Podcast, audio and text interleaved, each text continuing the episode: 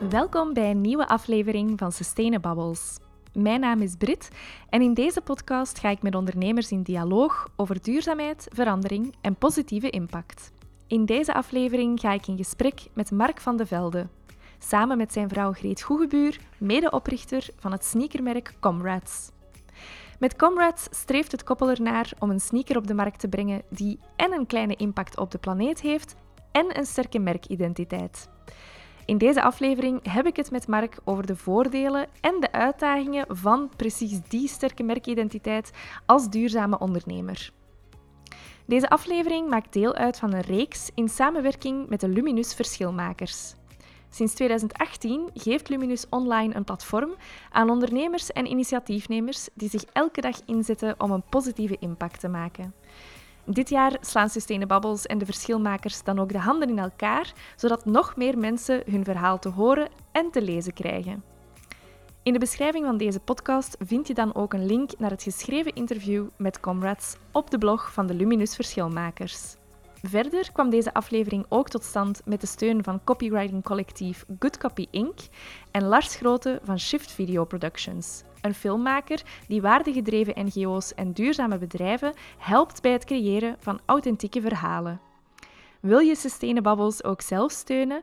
Trakteer ons dan net als Ingrid, Margot en Katrien op een spreekwoordelijke koffie via Buy Me a Coffee. Veel luisterplezier!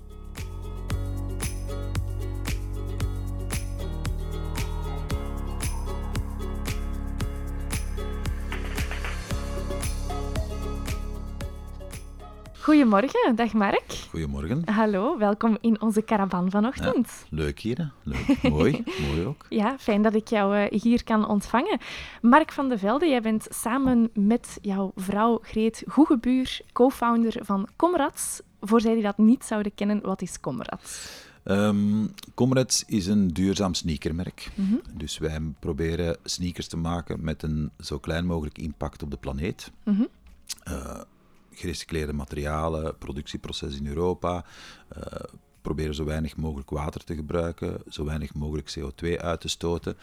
Ehm, en wij proberen dat eigenlijk doorheen heel ons proces te doen. Dus van uh, het maken tot bij de consument en zelfs daarna nog een stapje verder. Wat bedoel je daarmee? Tot bij de consument en daarna? Um, Daarna is eigenlijk dat wij vinden dat wij verantwoordelijk blijven voor de producten die wij maken. Okay. Uh, eh, het is niet zo wat dat de meeste merken doen, dat eenmaal uh, er een verkoop gebeurt, is dat eigenlijk ook de verantwoordelijkheid van uh, hetgeen wat er daarna met het, met het geproduceerde product gebeurt, dat dat bij de consument ligt. Mm -hmm. En dat is denken wij, um, een deel van het probleem, waardoor dat we met zo'n grote afvalberg zitten. Mm -hmm. Dus wij, hebben eigenlijk, we zijn een beetje van de veronderstelling uitgegaan toen we ons bedrijf oprichten van uh, wij willen niet alleen dat product verkopen, um, maar wij willen ook een oplossing verkopen voor eenmaal dat de consument het goed niet meer nodig heeft.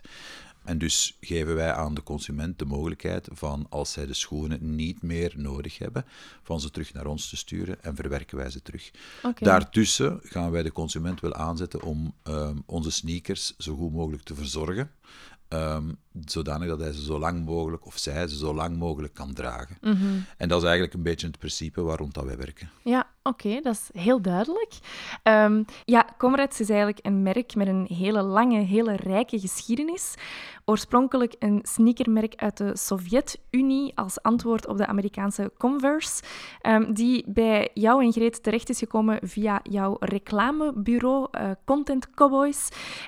oorspronkelijk was het een merk waar dat jullie een nieuwe merkidentiteit identiteit voor hebben ontwikkeld. Maar in 2015 hebben jullie dan ook besloten om het merk eigenlijk volledig onder jullie hoede te nemen. En naast de buitenkant een update te geven, ook aan de binnenkant een serieuze revisie te gaan doen en er een duurzaam um, sneakermerk van te maken. Het zou uiteraard ook heel interessant zijn om het daarover te hebben, maar daarvoor heb ik jou niet uitgenodigd, want ik heb jou vooral uitgenodigd vanuit uh, jouw en Greets marketingachtergrond. Jullie zijn allebei marketeers geweest en dat toont zich ook in Comrades, want Comrades combineert een duurzame missie met een hele sterke merkidentiteit. Mhm. En het is ook heel duidelijk dat jullie jullie ervaring en kunde als marketeers in het merk hebben gelegd. Waarom die sterke focus op merkidentiteit? Um, ja, op, waarschijnlijk omdat wij marketeers zijn. Wij komen niet uit de schoenenbusiness, mm. wij komen uit de, het merken bouwen. Uh, als je reclamebureau hebt, ja, dan doe je eigenlijk continu niks anders dan een merk bouwen. Mm. Ehm, wij geloven ook alle twee dat mensen merken kopen en geen producten kopen. Uh, er zijn een aantal studies, mocht, je, mocht, je, mocht een, een consument rationeel uh, kiezen in zijn verkoop of in mm. zijn aankoopproces, zouden heel wat merken niet bestaan gewoon. Mm. Want die zijn eigenlijk inferieur aan andere merken, maar zetten zich beter in de markt. Um, ik zie hier bijvoorbeeld uw merk van computer. Is absoluut niet de beste computer die er is op de markt, maar toch kopen mensen dat omdat dat een bepaald merk heeft. En dat heeft een merkidentiteit, dat heeft een aantal values waar je als consument mee kunt vereenzelvigen. En mm. daarom eigen de merken toe. Dat was ook het gemakkelijkste voor ons. Het merk was er al grotendeels, we hadden het zelf gecreëerd binnen het reclamebureau. Maar wij willen ook ehm, Ehm, en dat is ook uit onderzoek gebleken. Ehm, als de consument kijkt naar een duurzame sneaker, mhm. moet die in eerste instantie mooi zijn. Mhm. In tweede instantie moet die goed zitten. Dus dat is allemaal comfort uh, en, en, en uitstraling. En pas in, uh, in, op de derde plaats komt uh, uw, uw duurzaam verhaal. En dat mhm. moet dan heel simpel en heel transparant, heel begrijpbaar voor een klant zijn. Dus wij hebben eigenlijk gezegd van in het begin, wij willen niet zozeer een duurzaam merk zijn, wij willen gewoon een cool sneakermerk zijn, dat ook duurzaam is. En mhm. dat eigenlijk een deel van de oplossing is en geen deel van het probleem is. Mhm. Ehm, dat was voor ons vrij duidelijk en dat is ook perfect combineerbaar vinden wij. Mm. je kunt een sterk merk zijn, je kunt jezelf ook um, via marketing of reclame of, of communicatie in de markt zetten, maar toch een aantal values hebben, een aantal waarden hebben die je meedraagt. Dus dat is perfect verenigbaar. En dat zijn ook de merken die lukken. Uh, de merken die, die um, overleven, dat zijn meestal zeer sterke merken, die zeer veel aandacht besteden aan hun, aan hun communicatie en hoe ze zichzelf in de markt zetten. Um, en zeker in onze sector, en die dan ook eerlijk zijn en transparant en, en doen wat dat ze zeggen in hun communicatie. Mm. Is dat ook niet vooral het geval voor grote merken, grote merken die blijven bestaan? Of geldt dezelfde meerwaarde voor merkidentiteit voor kleinere merken? Dat geldt absoluut niet alleen voor grote merken. Dat is juist cruciaal voor kleine merken om te overleven en om groot te worden. Uh, moet je je boodschap uitdragen? Moet je aan, aan een zo breed mogelijke doelgroep zeggen van kijk, wij zijn er, wij zijn een alternatief, je kunt de juiste keuzes maken, uh, je hoeft niet plastieke schoenen te kopen die in Bangladesh gemaakt zijn. Nee, er zijn ook alternatieven die op een, op een, um, op een ethische manier geproduceerd zijn met de juiste materialen. Dus dat is, dat is ja, dat is perfect mogelijk voor kleine merken. Hmm. Je zegt daar wel meteen een zo breed mogelijke doelgroep proberen aan te spreken. Is dat een noodzaak volgens jou? Om je breder te richten dan de bewuste consument? Um, ik denk het wel, ja. Wij, wij proberen net de niet-bewuste consument te overtuigen bewust te worden. Hmm. Um, in eerste instantie wouden we echt naar, um, in, in de retail, naar winkels gaan die onzezelfde waarden uitdragen. En zo mhm. zijn er een aantal. Hè. Um, ik heb een aantal heel, de, de YouTubes van deze wereld, Supergoods van deze wereld, uh, Harvest. Er zijn een aantal echt heel leuke winkels die, die rond die merken werken. Mhm. En um, dat was ons eerste plan in onze go-to-market strategie, um, wat dat ook logisch is, hè, want dat zijn de mensen die, die ja, onze merken ook waarschijnlijk het snelste gingen in hun winkels leggen. Uh, maar al, al, al heel snel werden wij gecontacteerd door ja, niet duurzame retailers. En dan hebben wij een paar keer gezegd, nee, dat doen we niet. Nee, we gaan dat niet doen. Want mm. tot op een gegeven moment een vrij grote retailer naar ons kwam en zegt van, ja, kijk, wij willen veranderen. Eh, weet je, wij hebben een visie, 2030, um, ehm, en die hebben dat helemaal aan ons uitgelegd. Mm. En zeiden tegen ons van, ja, kijk, dat is ons plan, dus wij moeten merken hebben die ons daarin ondersteunen. Mm. Die meegaan met ons, die, die, die mee dat verhaal willen, uh, willen, willen kracht bijzetten. Mm En dan dachten we, ja, wie zijn wij nu om te zeggen, nee, we gaan dat niet doen, want je zijt er nog niet. Mm. Allee, we kunnen... En dus hebben we gezegd, oké, we gaan mee, we doen mee, uh, we gaan meebouwen, uh, wat een hele mooie klant is geworden nu. Um, mochten we zien dat het greenwashing is, want dat is natuurlijk het hele grote gevaar en probleem. Mm. Eh, dan zouden we ermee stoppen, mhm. uiteraard. Dan gaan we de beslissing nemen, want dan gaat het niet meer aan onze ground rules ehm, voldoen. Mhm. Maar zolang dat zij zelf dat pad bewandelen, ja, gaan wij mee met hen. Ja. ja.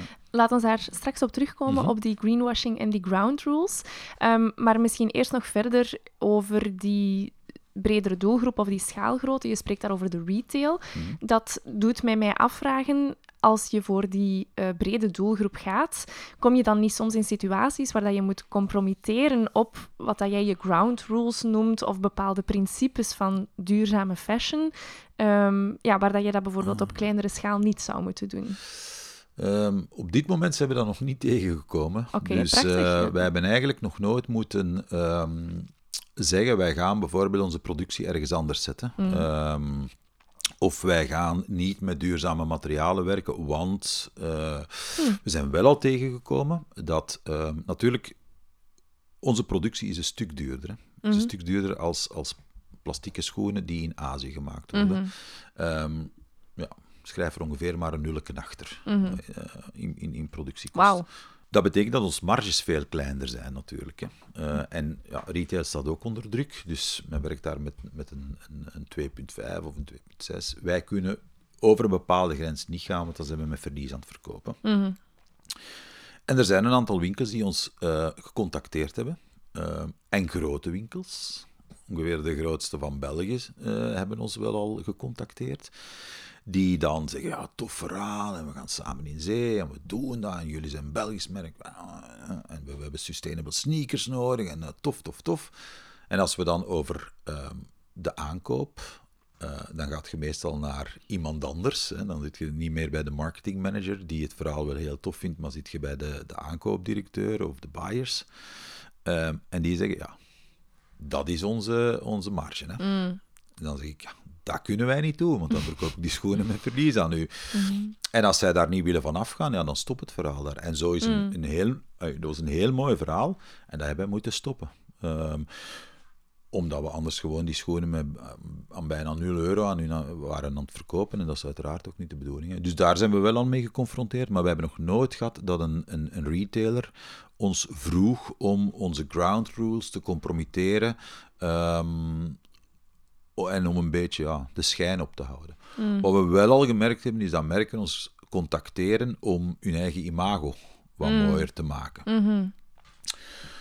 Ehm, daar hebben wij op zich uh, geen probleem mee als het uh, binnen een, een, een, een, een strategie zit. Weet je. Als het een eenmalige actie is en als ze zeggen van ja, we hebben jullie even nodig, want we moeten een van de SDG's halen of we willen wat uh, in de pers komen, mm.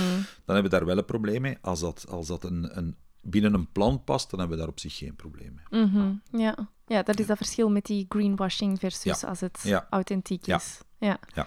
ja, rond die authenticiteit vraag ik mij ook af of het of jullie het gevoel hebben dat het soms twijfel werpt langs de consumentenkant op jullie authenticiteit en op jullie duurzaamheid, die, die ehm, sterke merkidentiteit. Um, hmm, dat is een hele goeie. Uh, ik denk, wij denken van niet. Ehm, maar wat dat. Um, wij zijn een commercieel merk. Allee, wij steken dat ook niet onder stoelen of banken. Wij mm. zijn dat gewoon. Um, wij volgen de, de regels om als een commercieel merk naar de, naar de markt te gaan. Mhm. Maar dat compromitteert niet met ons productieproces. Mhm. wij doen aan e-commerce waar dat we weten dat we uh, een bepaalde negatieve impact hebben op, op de planeet. Maar wij proberen dan zo ver mogelijk te gaan. Bijvoorbeeld, wij werken voor al onze, voor onze logistiek werken we samen met een uh, meerwaardebedrijf. Uh, een bedrijf dat mensen te werk stelt die eigenlijk buiten de, de normale uh, markt vallen. Mm mentaal gehandicapten, ex-gedetineerde, vluchtelingen. Mhm. um, maar natuurlijk, ja moeten onze pakjes met Bpost of met PostNL vers, vers, worden of, of geleverd worden. Um, maar als daar oplossingen voor zijn, dan gaan wij dit ook de eerste zijn om daarmee in te stappen. Mm. Uh, maar we gaan ons niet laten tegenhouden. Dat is misschien een ja, fout woord is tegen, maar we gaan niet van de op, uh, we gaan onszelf niet in de voet schieten door te zeggen: nee, we doen geen e-commerce, want er is nog geen 100% solide oplossing. Mm. En wij hebben kritiek hoor. En, en er zijn mensen die. Um, we zijn ook niet perfect. Hè. We zeggen altijd, we, we're on the, on the path to zero impact. Mhm. Eh, er bestaat ook niet zoiets als zero impact. Mhm. Er is altijd wel ergens een impact. ehm, ehm, maar wij, wij, weet je, wij weten waarmee dat we bezig zijn. Ehm, wij doen dat ook zeer bewust. Wij- dat is een keuze voor ons, eh, waar dat we niet van afwijken.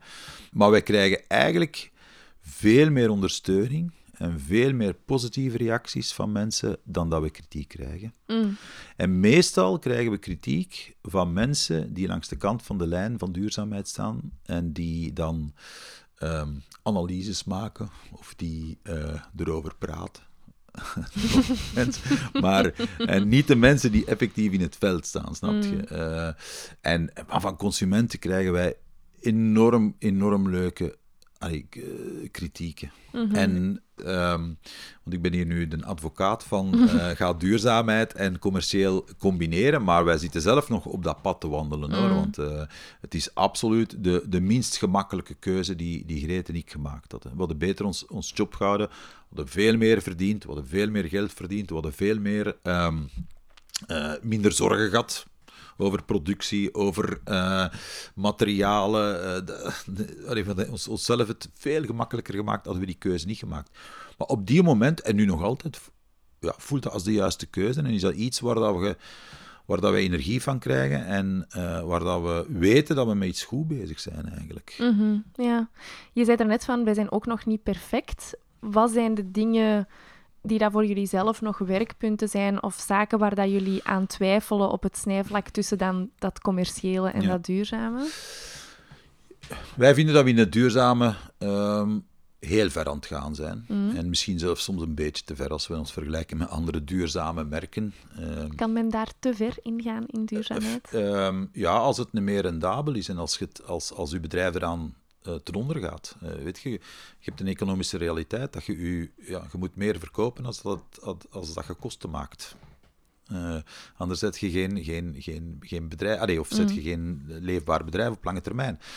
Dus wij, bijvoorbeeld, wij zijn nu ons hele circulaire programma, dus mensen kunnen nu al hun schoenen terugsturen. we zijn dan nu een stukje aan het breder trekken, dat we eigenlijk ook gaan kijken van, ehm, kunnen we bijvoorbeeld in de retail, want daar weten we vaak niet wie dan onze schoenen koopt, koopt kunnen we daar toch ook wel dat circulair programma opzetten. Dat is een kost, want ehm, wie gaat het terugsturen betalen? Wij als merk of de consument?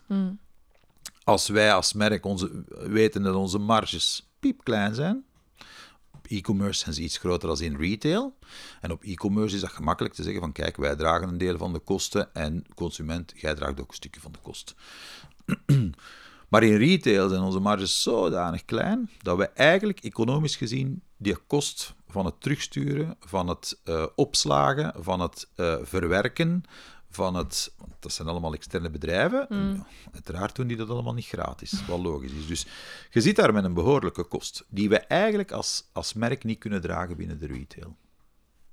Economisch gezien is dat een zeer slechte beslissing. En kunnen we beter zeggen, weet je wat, consument? Los het zelf op. 97% van alle schoenen wordt weggegooid. 3% wordt gerecycleerd. Meestal verdwijnen die in de vuilniszak of verdwijnen die heel af en toe eens in een, in een eh wereldmissiehulpcontainer. Ehm, maar ja, die kost is er wel. En de meest economische eh, en slimme beslissing is te zeggen van ja, er is geen enkel merk dat echt dit doet. Hè? Schoenen terug inzamelen en er proberen actie. Dus waarom moeten wij dat doen? Dat zou gemak. Maar dan komen we terug naar onze ground rules. En waar we gezegd hebben, we gaan die volgen. Ja, en daar staat die verantwoordelijkheid in. En, en dan, ja, dan gaan we daarvoor. En dan zijn we nu aan het proberen van toch de consument die, ehm, die in de retail onze schoenen gekocht heeft, toch op een of andere manier te kunnen contacteren. En daar ook onze verantwoordelijkheid te nemen en te zeggen, stuur die terug. Ehm, Ja.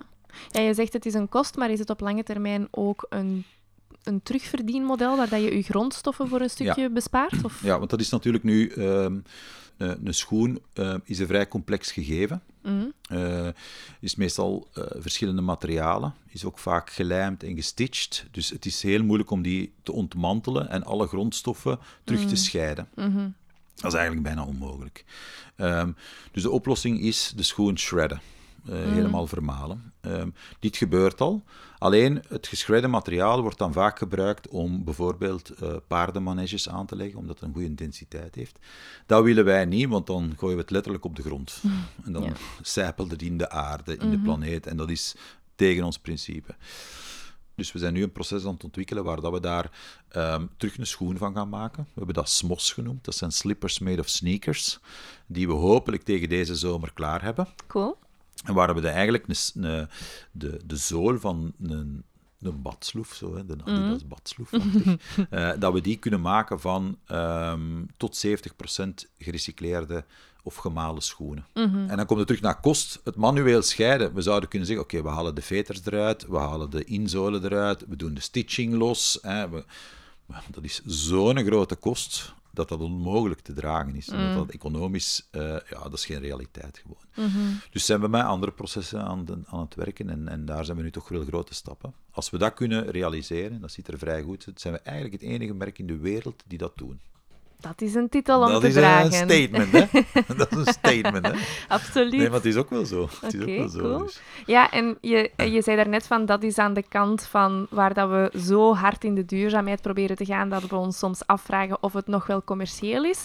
Is er ook iets aan de andere kant van het spectrum waar dat jullie over twijfelen of waar dat jullie ja, over debatteren thuis aan de keukentafel van, moeten we dat wel doen? Is dit niet te commercieel? Of, of, ja. ja, een van de zaken die wij niet doen, is ehm, het betalen voor de retouren. Mm. Omdat we onze consument willen ehm, bewust worden van geen fun shopping bij ons. Weet je, je moet geen vier paar schoenen in dezelfde maat, verschillende kleurtjes bestellen mm. en dan voor we spiegel staan en kijken welke dat mooiste is. Dat willen wij niet. Ehm, dus wij hebben van in het begin gezegd, uh, retourkosten zijn voor de consument. Mm Wij werkten met een Duits uh, duurzaam platform die zei dat kan bij ons niet. Ja, dat is voor ons dan een probleem. Want dan zagen we, we zijn toch even in zee met hen gegaan en we zagen, ja, vier paar schoenen of drie paar schoenen, een 39, een 38 in twee kleurtjes. En dan gaan we eens kijken wat het beste past en we krijgen drie schoenen terug. Mm. Dus we zijn daarmee gestopt. We zijn nu aan het kijken naar de andere grote marketplaces, hè, de Zalando's, de Amazons van deze wereld. Dus de, de grote uh, discussie aan onze keukentafel is nu, ja, gaan we dat doen of gaan we dat niet doen? Mhm. Want aan de ene kant gigantische reach. Hè, er komen miljoenen mensen op die platformen per dag. Mm Enorme boost voor ons merk. Langs de andere kant, ja, die reputatie, ehm, het, het ehm, heel snel willen leveren. Ehm, dat zijn merken waar je binnen de 24 uur moet leveren. Uh, wij hebben daar bewust voor gekozen dat wij dat niet doen. Mm. Want wij werken net met, met uh, mensen die buiten de arbeidsmarkt uh, vallen. Dus dat is nu een overweging. Wat aan, moeten we met die grote platformen. En zij zijn vragen, een vragende partij.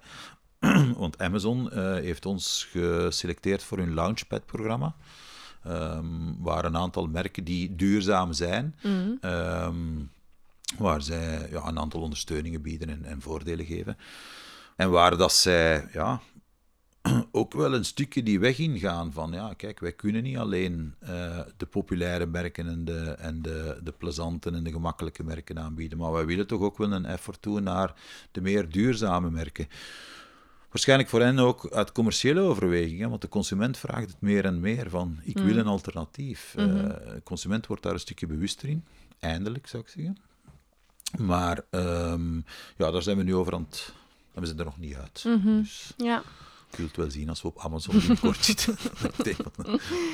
Ja, het is heel duidelijk welke waarde dat jullie merkidentiteit heeft en mhm.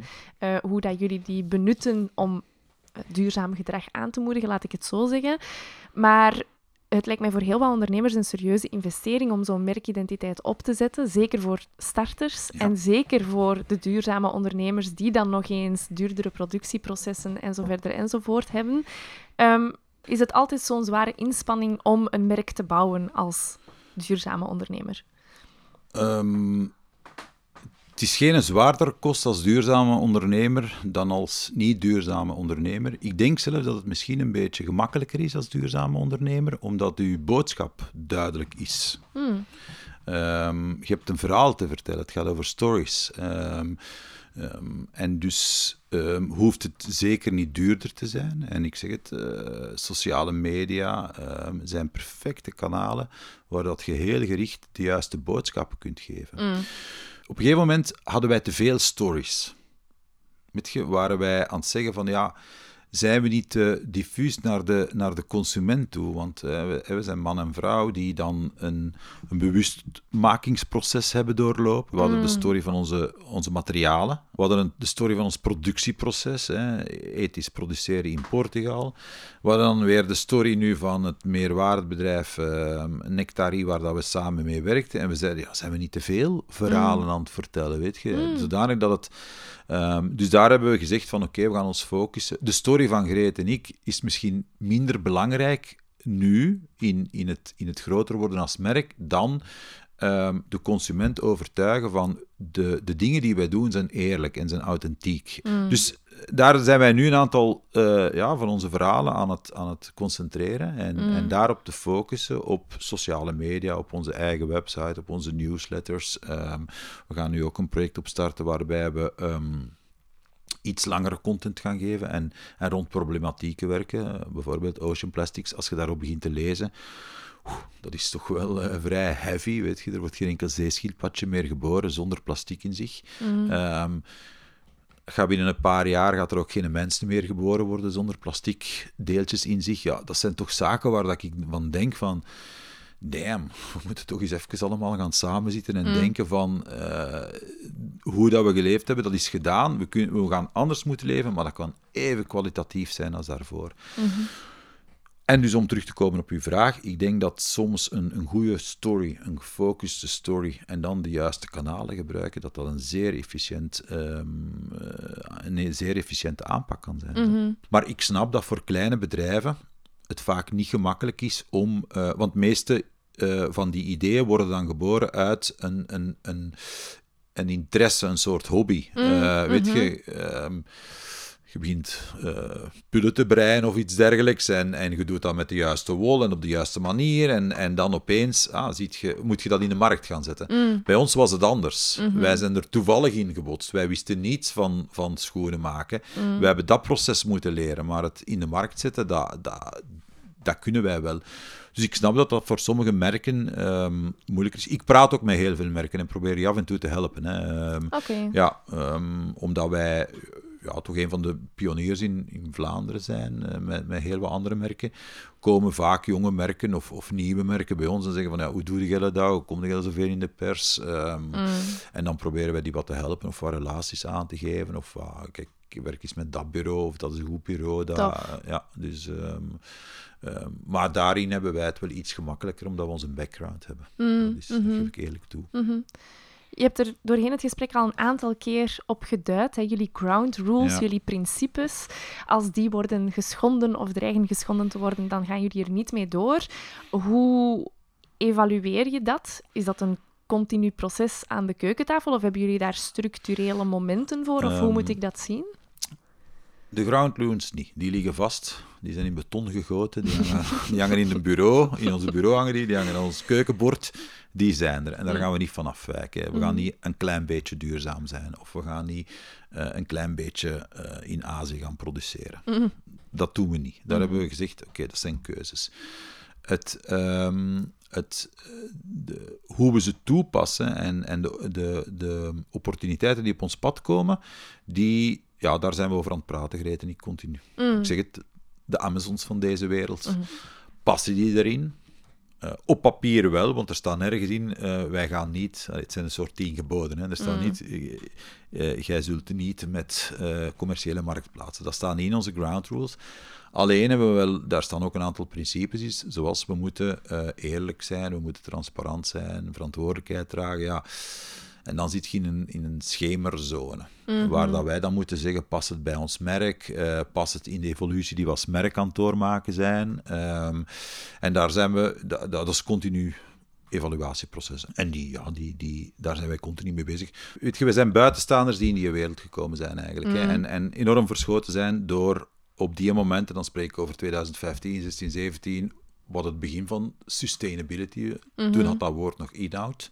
Uh, nu is dat, wordt die een term te pas en te onpas gebruikt. Dus, dus allee, daarvoor een label, dat zou heel snel moeten komen. En uiteindelijk kun je een aantal vrij gemakkelijke regeltjes die je op een A4 kunt schrijven, waarbij dat je kunt zeggen van oké, laat ons daar al beginnen mee te scannen. Laat ons dit al even in kaart brengen. Waar zit je gemaakt? Door wie zit je gemaakt? Ehm, ehm, wat zijn de materialen?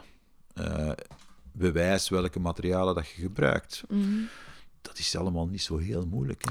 Goh, maar tegelijkertijd zeg je zelf ook, het is wel evolutief. Wij hebben ook discussies aan de keukentafel. Dus in die zin kan een, een, label of één definitie van duurzaamheid dan ooit toereikend zijn om zo'n zaken zoals greenwashing of zo de wereld te helpen. maar, maar uh, allee, niks staat stil. Alles is... Allee, dat mag u niet tegenhouden. Het feit dat het, dat het een evolutie doormaakt, mag u niet tegenhouden om ergens te beginnen, vind ik. We moeten ergens beginnen. Dat is het heel simpel. Uh, maar we moeten ergens beginnen. Um, om, om... Ik heb vroeger in de, in de horlogeindustrie gewerkt en daar ging het over Swiss Made. Is een label. Ja, er waren dan merken die eigenlijk alles maakten in Aziatische landen en dan nog ergens een klein dingetje in Zwitserland deden. En dat was dan Swiss Made. Ja, daar is uiteraard uh, protest en actie op gekomen en daar is een regel zoveel procent van wat dat je aan je horloge doet, moet in Zwitserland gebeuren. Mhm. Moet gewoon, anders kun je het niet meer Swiss made noemen. Mhm. Heel simpel. Ik geloof dat het iets 30 of 40 of 50 procent is uh, van, de, van, de, van de assemblage, moet in Zwitserland gebeuren. Oké, okay, was een hele evolutie in die markt. Uh, heel wat merken zijn moeten stoppen met zichzelf Swissmade te noemen. Um, want het was misschien 10%. Dus dat kan hoor. Dat is op zich. Allez, uh, ik zie daar niet de moeilijkheid in. Mm. Ik zie daar echt niet de moeilijkheid in. Uh, maar ja, het moet gedragen worden. Er moet een draagvlak voor zijn. of het moet vanuit politiek of overheid komen en zeggen van kijk, dit is het. Begin daarmee. Mm -hmm. En dan kunnen we daarmee beginnen en dan zien we wel hoe dat het verder evolueert. Hè. Mm -hmm. Ja. Oké. We zouden daar nog een hele aparte ja. aflevering kunnen ja. over maken, waarschijnlijk. Maar we gaan stilaan ja. afronden. Okay. Ik denk um, ja, van wat dat je vertelt, ook de, de complexiteit en het gebrek aan eenduidigheid en uh, al die zaken kan ondernemers denk ik ook wel soms tegenhouden om de switch te maken naar duurzaam ondernemerschap jullie als ervaringsdeskundigen, ja. uh, of ervaringsdeskundigen beter, um, hoe zou je hen willen motiveren of willen ja. aansporen om er toch mee te beginnen? Um, ik, wij hebben met heel veel merken gepraat en sommige merken hebben een bepaald productieproces. Mm. En het is zeer moeilijk van een productieproces te transformeren naar een duurzaam productieproces. Mm -hmm. Dat is enorm moeilijk, ik besef dat. Dus die merken Um, de Adidas, de Nike's, de Vans, de New Balances en ga zo maar door. Om helemaal te transformeren, dat is zeer moeilijk. Dus je begrijpt dat die merken dat niet van dag 1 op dag 2 kunnen doen. Dat is Mm. onmogelijk. Hè. Je zit met andere kostenstructuren. Dus dat is, um, en ik vind dat er in onze sector veel goede zaken gebeuren. Mm. Nog te weinig. Wij hadden het daarin gemakkelijker, want wij zijn van een wit blad begonnen. Mm. We hebben gewoon direct ons productieproces duurzaam gemaakt. Mhm. Maar ik denk als je als jonge ondernemer en je zit in een, in een markt waar dat veel concurrentie moet, uh, gaat hebben, uh, is het net het duur, de duurzaamheid en, en, en uh, dat is de toekomst. dat is dat, duurzaam produceren, het, het ethisch juist uw, uw, uw, schoenen maken of, uw, of whatever dat je ook maakt. Um, dat is denk ik, uh, dat is de USP, om het in marketingtermen te zeggen. Mm -hmm. Dus ik zou, ik zou het uh, als jonge ondernemer, als je iets in de duurzaamheid wilt opstarten, um, gebruik de basisrules van, van, van marketing en communicatie. Doe een concurrentieanalyse, kijk naar uw prijs, begin niet blindelings. Maar duurzaamheid is daar absoluut ook een USP die je, die je enorm kunt gebruiken. En, Mm. en wat een voordeel is. Het, is een Mhm. het kost wat meer, je gaat een andere kostenstructuur hebben. Uh, wij hebben bijvoorbeeld heel veel geautomatiseerd. Heel ons salesproces is geautomatiseerd. Um, waarom? Omdat we zo weinig mogelijk um, mensen aan, ons pro aan, aan het productieproces willen, willen, of aan het uh, salesproces willen hebben. Weet je, omdat dat, ja, lonen zijn duur. Dus Mm. daar gaat het dan proberen met, zoveel, met zo weinig mogelijk mensen zoveel mogelijk te doen. Maar allee, laat u absoluut niet tegenhouden door duurzaamheid. Integendeel, het is de toekomst. Mm ik denk dat daarmee de cirkel mooi rond is. Ik wil jou heel graag bedanken om tot hier te komen vandaag. Het was een heel fijne babbel. En ik uh, ja, wens jullie ook vooral nog heel veel succes in de toekomst. Ja, dank je wel. ons uit te nodigen. Dank je wel. Ook aan de luisteraar, bedankt voor het luisteren. Als je meer wil weten over Comrades, dan kan je hun verhaal ook vanuit een andere invalshoek lezen op de pagina van de Luminus Verschilmakers. De link daar naartoe vind je in de beschrijving van deze podcast. Al komen er natuurlijk binnenkort nog meer verhalen aan over de verschilmakers, dus blijf vooral luisteren. Vergeet je ook niet te abonneren op de podcast en of je in te schrijven op de Sustainabubbles nieuwsbrief, want daarmee krijg je de belangrijkste takeaways van deze reeks en de andere afleveringen twee wekelijks rechtstreeks in je mailbox. Heb je daarnaast nog vragen, opmerkingen of suggesties? Dan kan je me steeds bereiken via e-mail of via social media. Op LinkedIn vind je de podcast onder de naam Sustainabubbles en op Instagram onder Sustainabritly. Graag tot de volgende aflevering.